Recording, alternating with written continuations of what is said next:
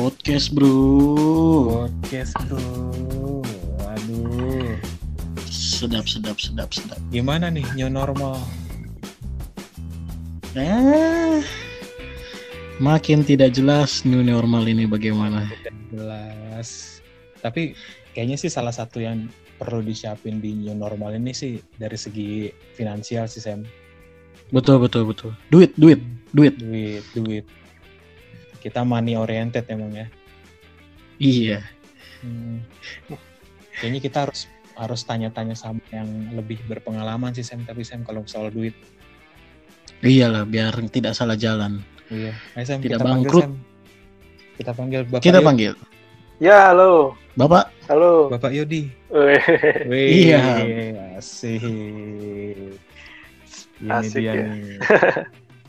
yang harus berbicara Sharing sih. finansial. Lebih tepatnya sharing pengalaman aja. Iya, sharing. Asik. Sharing pengalaman. Ya, tapi tapi Iya, pengalaman iya. juga yang namanya new normal. Siapa yang pernah ngalamin kan? Belum pernah ada yang ngalamin. Iya, belum pernah sih. Tapi paling enggak paling enggak kan yang dari yang udah-udah tuh kira aja gitu. Yang bisa diterapin tuh apa sih gitu, Gitu. kan. Kayak contohnya kan iya kayak misalnya sebelum kita new normal kan pasti kan ada pertanyaan ya Sam ya. Kayak apalagi kayak Iya. kita gini, kayak kita wah jujur aja sih gue belum ada sih kayak financial planning gitu. Sumpah blank banget gue.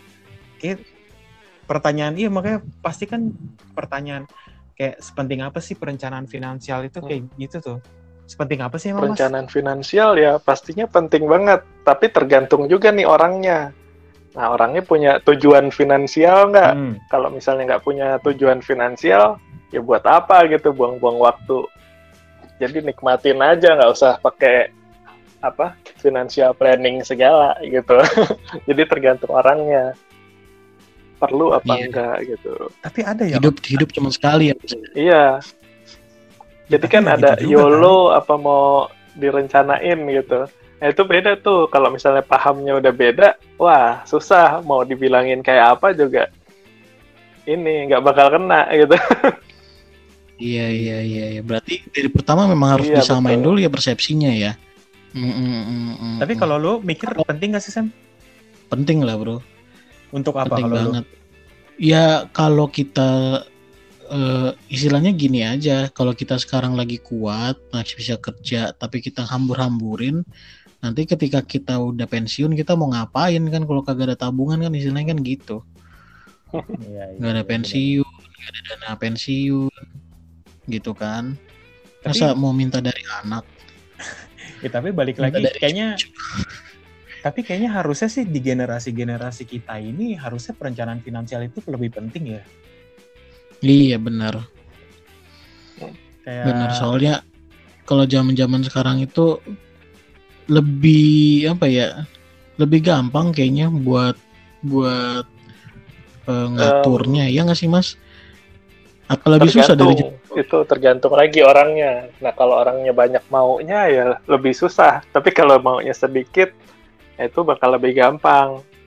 Karena nanti kan itu kan terkait sama Hmm. misalnya pos-pos apa namanya eh, ngatur duitnya itu mau kayak gimana gitu Nah, tapi kalau misalnya buat kita kita gini sih iya iya. iya disarankan sih punya paling enggak itulah apa namanya dasar pengetahuan financial planning itu yang bagus gitu. Supaya kita tuh nggak kerja terus kerja terusnya dalam tanda kutip. Jadi kan sebenarnya kalau misalnya orang mau makan selama ini kan kerja dapat duit uangnya dihabisin. Kerja lagi dihabisin Eh, seterusnya kayak gitu kan lama-lama capek begitu tua nggak bisa Hmm. kerja udah nggak bisa apa-apa dong Nah, makanya perlu itu dikumpulinnya Iya, betul. dari sekarang biar nanti begitu udah tua, nah itu bisa lebih enak gitu. contoh ilmu yang diterapin, Kalau yang diterapin apa? maksudnya apa nih? Kalau misalnya, Ya, yang dasarnya nah kalau yang paling gampang, dasar misalnya gini kita pakai sudut pandang orang yang baru pertama kali melek finansial gitu ah gue pengen belajar nih gimana sih caranya gue ngatur duit gue supaya eh, pengeluaran gue tuh bisa stabil dan gue punya tabungan buat nantinya gitu. Nah ini orang nih misalnya baru melek nih, baru sadar nih, apa yang harus dia lakuin pertama gitu. Nah, itu kalau misalnya apa? Mungkin detail yang apa namanya? lebih spesifiknya itu mungkin perencanaan keuangan eh perencana keuangan mungkin lebih ahli apa namanya Betul. untuk membagi-baginya. Cuma kalau berdasarkan pengalaman nah Iya. coba aja paling simpel itu pakai rumus 1 banding 3 banding 6. Satu banding Satu tiga banding tiga enam. enam. Mm-mm. Itu gimana tuh maksudnya tuh? Jadi sebenarnya itu kalau misalnya dijumlahin kan 10 atau bisa juga dibilang 10, 30, 60. 10 persen, 30 persen, 60 persen. Nah, jadi eh, intinya itu 10 persen kalau ini kan Kristen gitu ya misalnya itu 10 per 10-nya itu sebenarnya bisa kita donasiin Ya. gitu. Nah, kalau misalnya 30% itu uang yang kita tabung. Nah, sementara 60 persennya itu itu yang boleh kita konsumsi. Nah, itu itu yang paling dasar sih. Selama ini pengalaman saya sih kayak begitu. Satu tiga enam gitu. Satu itu jatahnya buat orang lain gitu untuk apa namanya mereka yang lebih apa mereka yang membutuhkan gitu. Nah, 30% itu ditabung, 60 persennya itu yang boleh kita konsumsi dari total penghasilan. Itu apa namanya Hmm. cara eh, dalam tanda kutip ngabisin duit bulanan yang apa yang saya lakuin sih kayak begitu. Nah kalau yang 30 persennya itu kan buat nabung ya. Itu nabungnya tuh Uh-uh. nabung di bank atau dari segi nabungnya itu apakah investasi ada yang yang ada yang lebih baik lah daripada cuma nabung? Nah, itu kan tadi itu kan apa namanya? pengalaman ngabisin uang ngabisin gaji bulanan. Nah, Iya. nanti ada lagi target finansialnya. Kalau misalnya perencana keuangan pasti akan bilang pertama kali itu kamu harus punya dana darurat. Dana darurat itu jumlahnya 6 eh 3, 6 sampai 12 kali. Bahkan mungkin bisa lebih kalau misalnya kondisinya semakin nggak menentu gitu. Nah, itu dana darurat apa sih gitu. Nah, dana darurat itu uh, dana yang kita pakai ketika kita kehilangan sama sekali penghasilan. Gitu. Jadi, kenapa tiga kali, enam kali, 12 kali bahkan lebih? Nah, itu dana darurat itu akan kita pakai itu kalau misalnya suatu saat nih kayak lagi begini nih banyak PHK, kita di PHK. Nah, kalau kita udah punya dana darurat, misalnya katakan kita udah ngumpulin enam kali pengeluaran kita. Nah, artinya tuh dalam enam bulan ke depan kita nggak perlu khawatir lagi karena udah ada tuh dana darurat. Nah, enam bulan itu diasumsikan kita bisa sambil cari-cari kerja lagi gitu atau cari penghasilan lain kayak gitu. Hmm. Hmm. Itu tergantung kebutuhan sih. Jadi nanti ketika misalnya dalam enam bulan itu kita udah dapat kerjaan atau udah dapat penghasilan lagi, Mm-mm. yang enam bulan kali gajinya itu diisi lagi kayak gitu ya. Betul, Berarti siklusnya. Nah itu ya tergantung Oh, sama iya, target iya, iya. atau tujuan keuangan masing-masing. Mau bikin dana daruratnya berapa kali? Kalau masih singles, kayaknya 3 sampai 6 kali cukup sih. Kalau Tergantung status generation berapa ya. kali? Eh 12. Bahkan lebih kalau kalau corona gini bisa eh, kalau apa perencanaan apa perencana keuangan gitu mungkin bisa nyaranin lebih dari 12. Aduh, Iya, iya. Piara tuyul Kan- kali ya? Tidak mungkin dong Miara Tuyul. kan kemarin-kemarin juga ada yang viral juga tuh yang masalah status minta bantuan pemerintah ya Oh, orang iya. yang gaji juta ya 20 kalau nggak salah ya. Heeh. Minta gaji eh dapat gaji 20 juta Hmm. eh, berapanya buat bayar KPR, berapanya buat bayar mobil, sisanya tinggal berapa, dihitung-hitung sisanya kalau nggak salah tinggal 500 ribu apa berapa gitu. Minta bantuan ke pemerintah. kan kalau kayak gitu kan berarti dia eh, kita asumsikan eh, pengeluaran bulanannya enggak diatur ya atau gimana tuh? Nah iya sih apa namanya mungkin sebagian orang termasuk saya juga sih nah itu Mm-mm. punya tujuan keuangan yang gimana ya Beda-beda. yang ya enggak apa namanya mungkin saya nggak tahu ya apa yang di pikiran dia mungkin dia tuh Iya, iya. entah kebutuhannya mendesak atau pengen berlari lebih cepat aja.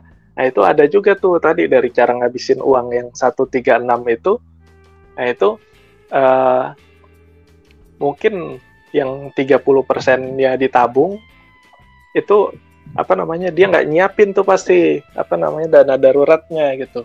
Buktinya baru itu kan kejadiannya baru tuh paling sebulan ya setelah Iya, betul. kasus pertama tuh sekitar bulan Bulan April April. iya nah dia udah min udah artinya kan udah kehabisan napas gitu nah, berarti dia nggak nyiapin tuh dana darurat paling nggak dana darurat itu kan tadi udah dibilang paling kecil tiga terus enam bulan 12 bulan bahkan lebih gitu nah harusnya sih dia kalau misalnya dia rencanain itu itu dia nggak bakal kayak gitu juga sih gitu Berarti bisa dikatakan itu orang kurang persiapan ya perencanaan finansialnya ya. ya bisa jadi dia nggak tahu juga gitu. Kalau misalnya Wah, dia tahu kan pasti dia siapin gitu. Soalnya banyak Sayang, yang ngerti kayak gini nih. Punya dana darurat berapa Mm. kali gitu. Jadi kalau teman-teman yang misalnya tadi eh, kena musibah misal di PHK sama perusahaannya atau gimana, memang mereka mungkin dapat pesangon berapa kali gajinya. Cuma kan yang namanya dapat duit banyak kan kadang-kadang kan lupa diri. Eh, itu tuh. Nah, ya, kalau kayak gitu sih ini sih kembali ke orangnya lagi. Jadi yang pertama Tadinya kan, masing-masing ya, ya. uh-uh. jadi sebenarnya ini kalau misalnya ngobrol sama perencana keuangan juga, apa pun tujuan keuangan kita yang besar gitu, pasti mereka akan suruh deh siapin dulu dana darurat. Kalau misalnya dana darurat belum ada, jangan mulai investasi yang lain gitu. Karena kalau misalnya kita udah punya cicilan, katakan, nah cicilan itu jadi masuk pengeluaran loh. Jadi ketika kita punya cicilan, paling enggak tuh kita apa namanya tiga kali tiga kali dari cicilan itu misalnya punya gitu. Makanya kalau misalnya kayak cicilan KPR gitu kan itu 30% gaji lah kira-kira cicilannya yang ideal Hmm, gitu. Jadi pertama Benar. Kalau pertama dapat uang itu misalnya kalau misalnya buat anak baru nih, kalau misalnya umur-umur baru kuliah, itu tuh harus dihitung dulu tuh pengeluaran dia bulan sebulan berapa. Nah, itu tabung dulu begitu. Katakan kayak dulu nih, kalau dulu saya tuh pengeluaran sebulan itu karena masih tinggal sama orang tua itu murah banget sekitar satu juta lima ratus eh bahkan mungkin lima ratus ribu kali ya bisa tuh untung banyak. iya bener. Untung banyak. Dulu. Nah jadi misalnya itu bulanan itu kan kita masih apa punya uh, sisa gaji nih. Nah itu pertama langsung dulu bikin tabungan dulu. Misalnya sampai udah dapat enam kali nah baru tuh uh, investasi pertama yang perlu dicoba. Kalau saya selalu menyarankan yang paling aman. Jadi kan? Apa tuh? apa tuh? Nah itu banyak. Pertama kalau di sini mungkin itu ya apa namanya surat utang negara tuh aman tuh. Terus deposito juga Surat masuk yang negara. aman ya. Terus kalau reksadana ya reksadananya pilih reksadana pasar uang karena reksadana apa namanya pasar uang itu uh, diinvestasikan oleh manajer investasinya ke instrumen-instrumen pasar uang kayak deposito.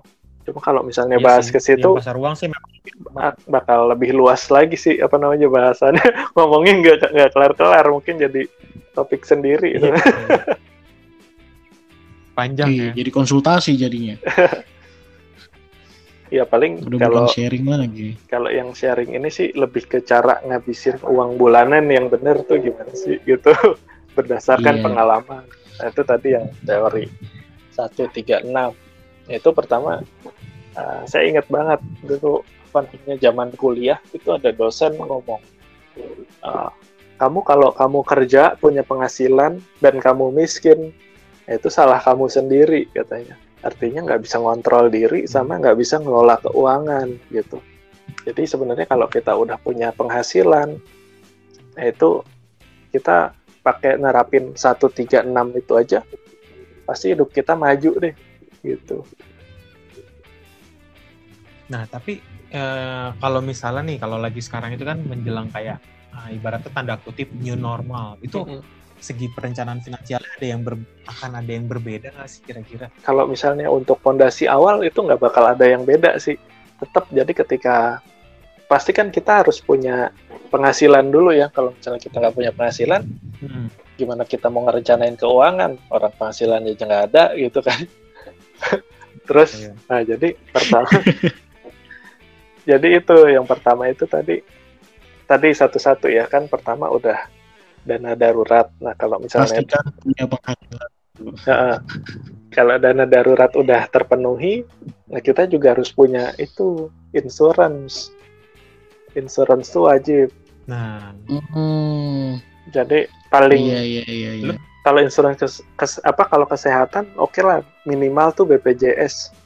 Kalau saya rasa sih kalau misalnya orang yang kerjanya formal di apa namanya karyawan swasta PNS gitu mungkin udah ada udah pasti di mungkin dibayarin ya atau dia potong gaji bayar BPJS ya udah pasti Iya, punya lah wajib punya.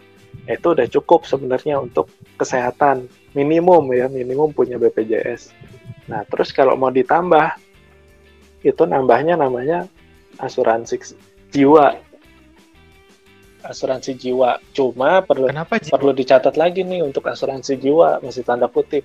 Asuransi jiwa itu Iya. di apa namanya di wajib dimiliki sama orang yang udah punya tanggungan. Kalau nggak punya tanggungan sih boleh lah itu Hmm. masih nomor dua lah. Tapi kalau misalnya orang apa udah punya tanggungan nah asuransi jiwa itu wajib. Itu nah, itu tadi yang dipersiapin pertama. Berarti bukan malah bukan bukan asuransi kesehatan malah. asuransi kesehatan kan tadi udah pertama tuh apa namanya yang BPJS Oh, yang tadi mengandalkan BPJS. Nah, jadi kalau sakit tabungan kita nggak akan berkurang tuh. Gitu. Ya kan nggak akan ngambil duit. Yang kedua baru si asuransi jiwa itu. nah yang nah itu kalau misalnya udah punya tanggungan nah itu harus punya asuransi jiwa. Nah terus kalau ngitung asuransi jiwa sebenarnya ada bahasannya lagi. Cuma kalau eh, dibikin simple aja asuransi jiwa itu cari yang pertanggungannya uang pertanggungannya itu bisa menghidupi anak pertama itu sampai dewasa sampai lulus SMA misalnya eh, apa namanya eh, biaya hidup apa namanya sehari eh sehari-hari sebulan sampai anaknya Hmm. itu dewasa. Jadi misalnya misalnya punya anak lima tahun ya kira-kira berapa tahun tuh? Hampir 10 tahun ya 10 tahun lah 15 tahun. Gitu katakan sampai li- 15 15, tahunan tahun berarti. ya 15 tahun kali berapa bulan tuh. Nah itu dikali ini pengeluaran bulanannya nah itu buat apa namanya jadi ketika misalnya ada resiko nih misalnya saat misalnya bapaknya doang nih yang kerja punya satu anak sama satu istri Nah, biaya bulanannya satu juta gitu nah itu kali misalnya berapa katakan serat biar gampang itu 100 bulan aja ya nah, berarti Iya. Nah, berarti harus 100 juta itunya apa namanya uang pertanggungannya Tanggungan. Ah, uang pertanggungannya itu harus 100 Itu kalau juta. Satu anak. gitu. Nah, itu tadi kalau ada pertanyaan tadi apa? Mungkin anaknya satu kalau anaknya dua gimana gitu ya? Nah kalau Iya. misalnya anaknya eh, dua sebenarnya sama ngitungnya. Misalnya biaya bulanannya tadi satu juta. Nah karena anaknya misalnya dua biaya bulanannya jadi 2 juta. Ya berarti 200 juta. Hanya sampai anak pertama dewasa dengan asumsi ketika anak pertama dewasa dia udah bisa cari duit buat biayain yang lain gitu Oh iya iya iya iya benar. Iya, iya. Tidak sekomplikated itu ya. jadi nah itu tuh kalau misalnya. Lain pikirin bro.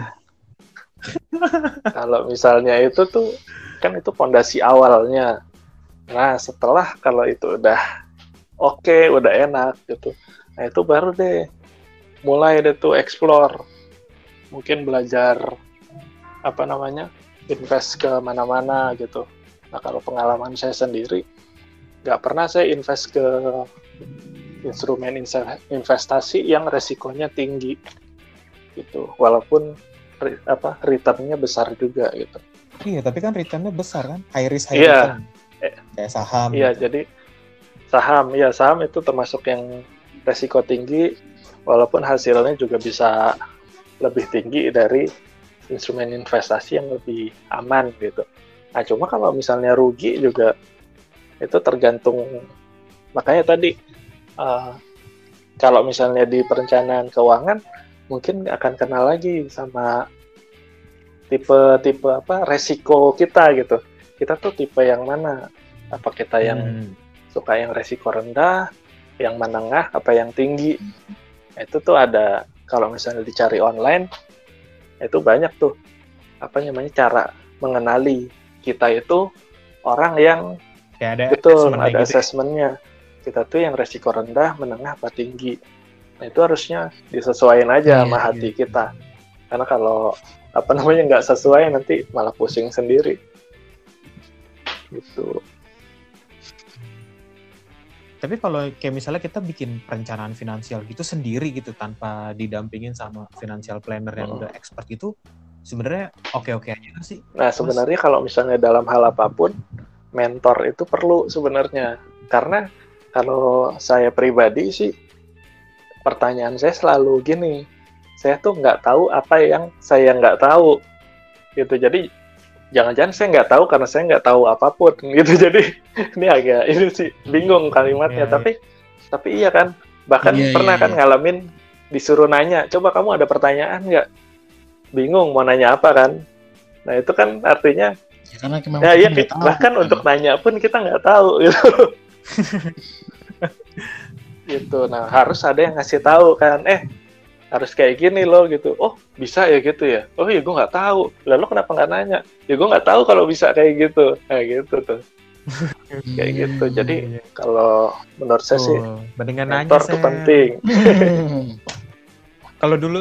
Mas Yodi sendiri mentornya Nah siapa? kalau saya sih ngikutin orang tua dan ini sih apa namanya banyak baca literasi juga. Maksudnya eh saya baca banyak baca juga.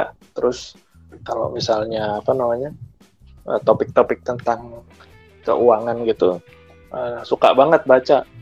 Misalnya kayak waktu itu eh, mobil dulu atau rumah dulu gitu. Nah itu banyak di depan di depan di apa banyak yang apa banyak jadi bahan perdebatan juga sih itu mobil dulu atau rumah dulu misalnya. Nah kalau misalnya saya berpendapat mobil dulu gitu karena dulu pas zaman kerja saya perlunya mobil. Rumah masih numpang sama orang tua.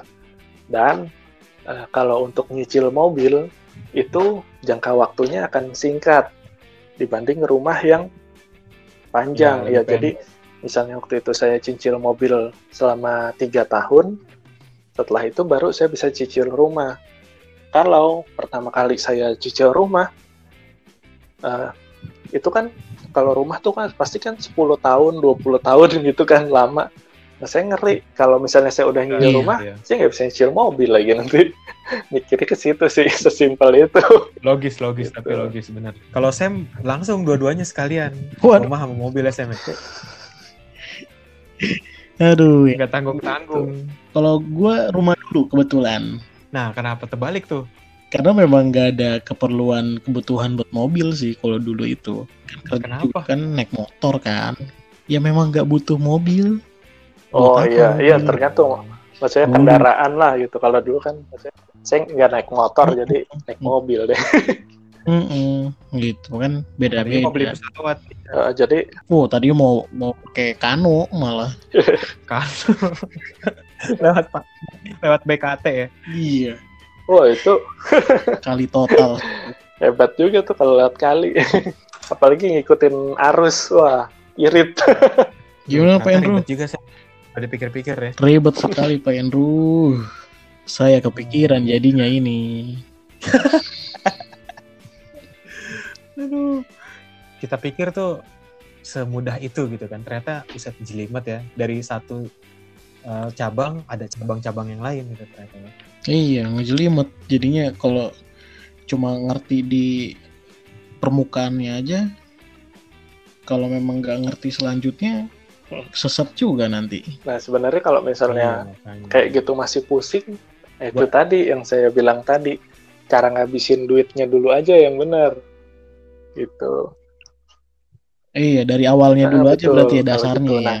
Sebenarnya kalau misalnya udah disiplin 136 nanti lama-lama itu deh ah, sadar sendiri deh. Misalnya dulu nih saya misalnya satu misalnya udah oke satu tuh jangan diganggu gugat ya karena itu misalnya hak orang lain yang membutuhkan.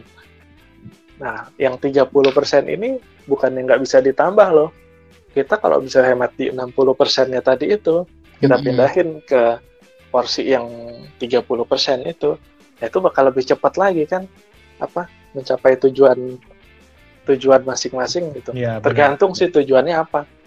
Kalau tadi tujuannya ngabisin uang ya pakai yang 60% aja gitu. Tapi kalau misalnya punya tujuan lain untuk mempercepat misalnya ah mau lebih cepat beli motor gitu.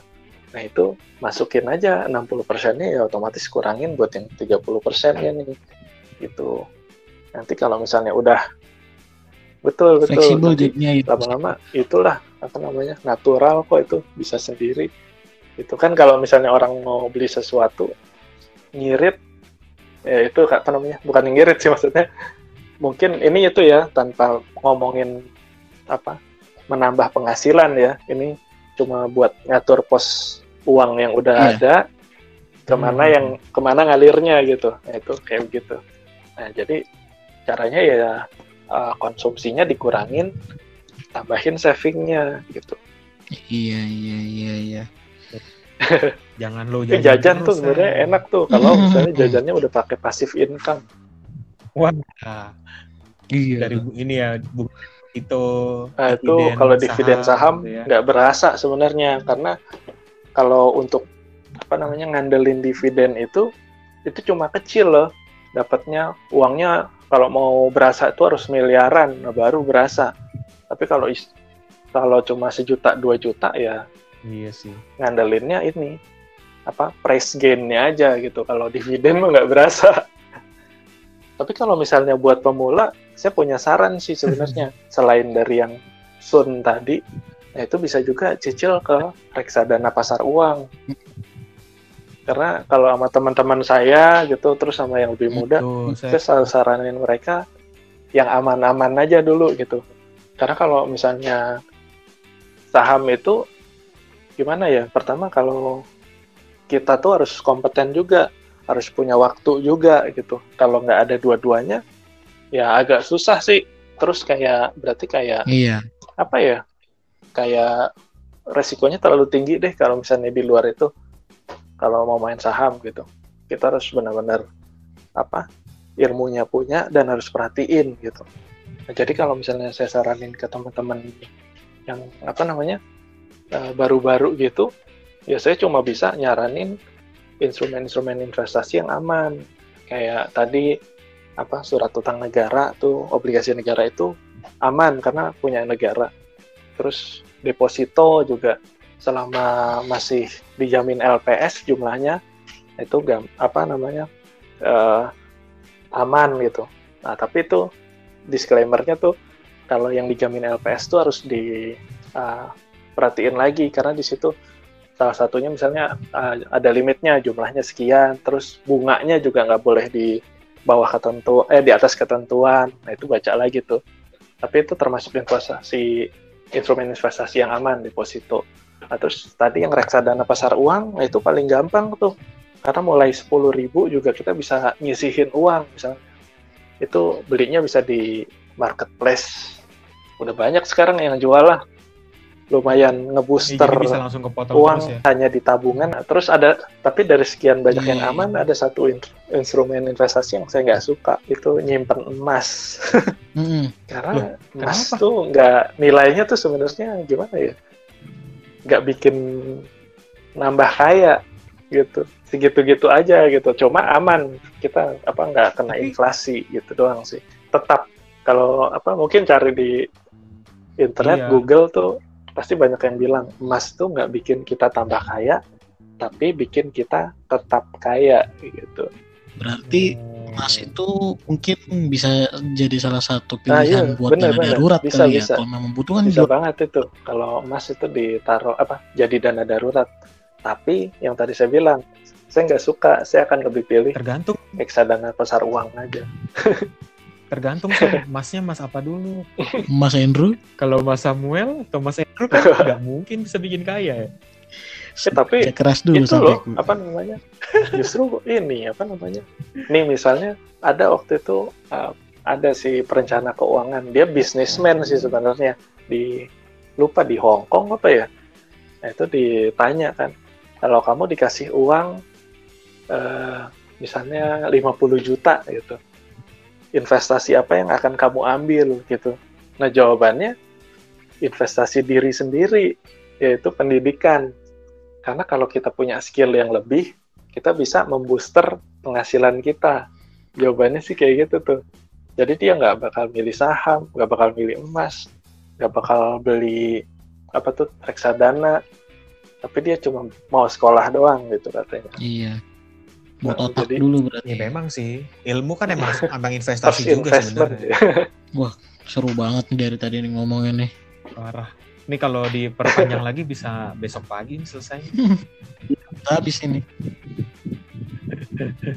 Aduh. Tapi seru sih kalau ngomongin finansial itu sebenarnya seru, apalagi kayak yang buat apa eh, teman-teman yang baru lulus gitu fresh graduate itu penting banget sih kalau menurut gue. Iyalah, paling nggak harus dari gaji pertama tuh udah dipikirin tau sebenarnya. Iya, gue udah berapa Hmm, tahun betul sih itu kalau misalnya bagusnya sih udah dari kuliah udah ngerti gitu sedini mungkin lah nanti begitu dapat uang itu udah tahu uangnya mau ditaruh ke mana eh, paling enggak itu deh minimal tadi udah tahu cara ngabisinnya gimana yang benar Iya iya, Nah, iya. iya, satu tiga enam 136. itu ya. itu paling simpel tapi uh, selanjutnya dikembangin sendiri itu bisa macam-macam hasilnya tapi 136 itu yang paling pokok tadi Dasar. Tapi mendingan satu tiga bola ya? empat dua. Dikira formasi.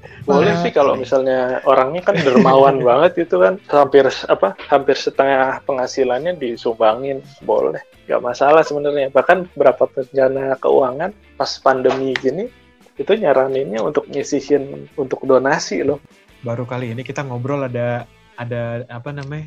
Ada sari-sarinya ya Sam ya? Ada ilmunya loh. Iya. cuma ini berdasarkan pengalaman aja kalau misalnya untuk lah, sharing kalau- lebih mungkin teknis itu nah itu kayaknya lebih afdol kalau apa di sharingnya itu sama dikasih taunya sama orang mungkin yang certified gitu kalau ini lebih ke sharing aja sih Oke lah kalau gitu. Ada lagi Pak Andrew? Sudah, Pak Samuel, saya sudah cukup pusing. Oh, jadi Sudah mulai hari pusing. ini yang udah denger Iya. ini dong udah tahu dong Nanti cara ngabisin uangnya gimana biar nggak dikatain lagi kamu kerja kok kamu miskin gitu? Salah dirimu gitu. Jangan makan ayam Ru kalau belum ampun Ru. ekstrim banget ya